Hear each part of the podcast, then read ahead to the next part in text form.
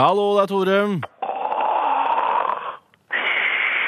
Hei, Toremann. Det er søstera di som ringer deg. Tjallabais, Trudemor. Hvordan henger det? Å ja. Kommer an på hvilken retning vinden blåser, det, Toremann. Den henger og slenger som gardiner i et hus der det er skikkelig gjennomtrekk, for å si det på den lett vulgære måten, da.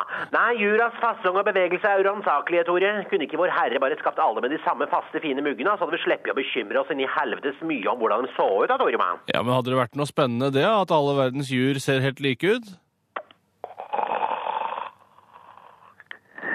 Fy fankeren, du er så inni hampen klok, Tore. Du er farken med den klokeste broren jeg har i hele verden. Men uansett, da skal jeg bytte dem ut på fredagen, da, for nå orker jeg fankeren ikke mer, altså. Jeg skal bytte dem ut. altså da mener jeg hva, Bytte dem helt ut, liksom? Hvordan gjør man egentlig det? Nei, De finner jo stadig på noe nytt innen plastikkirurgien. da, Tore. Det er der de tjener penga sine, ikke på gamle enkefru Halvorsrud som har knust lårhalsen i et swingersparty.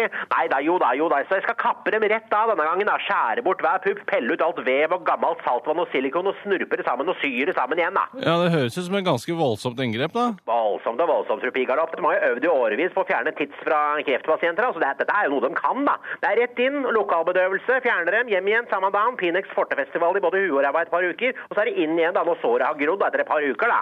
Ja, For å fjerne stinga, da, eller? Ja, fjerne sting og fylle opp to ganger 600 ml silikon i, da. Så da går de opp gjennom navlen, kapper opp inni navlen, stapper dem opp på plass på, på brøstet, og så blir det å vente på brøstvorter, da, selvfølgelig. Ja, Vente på brystvorter?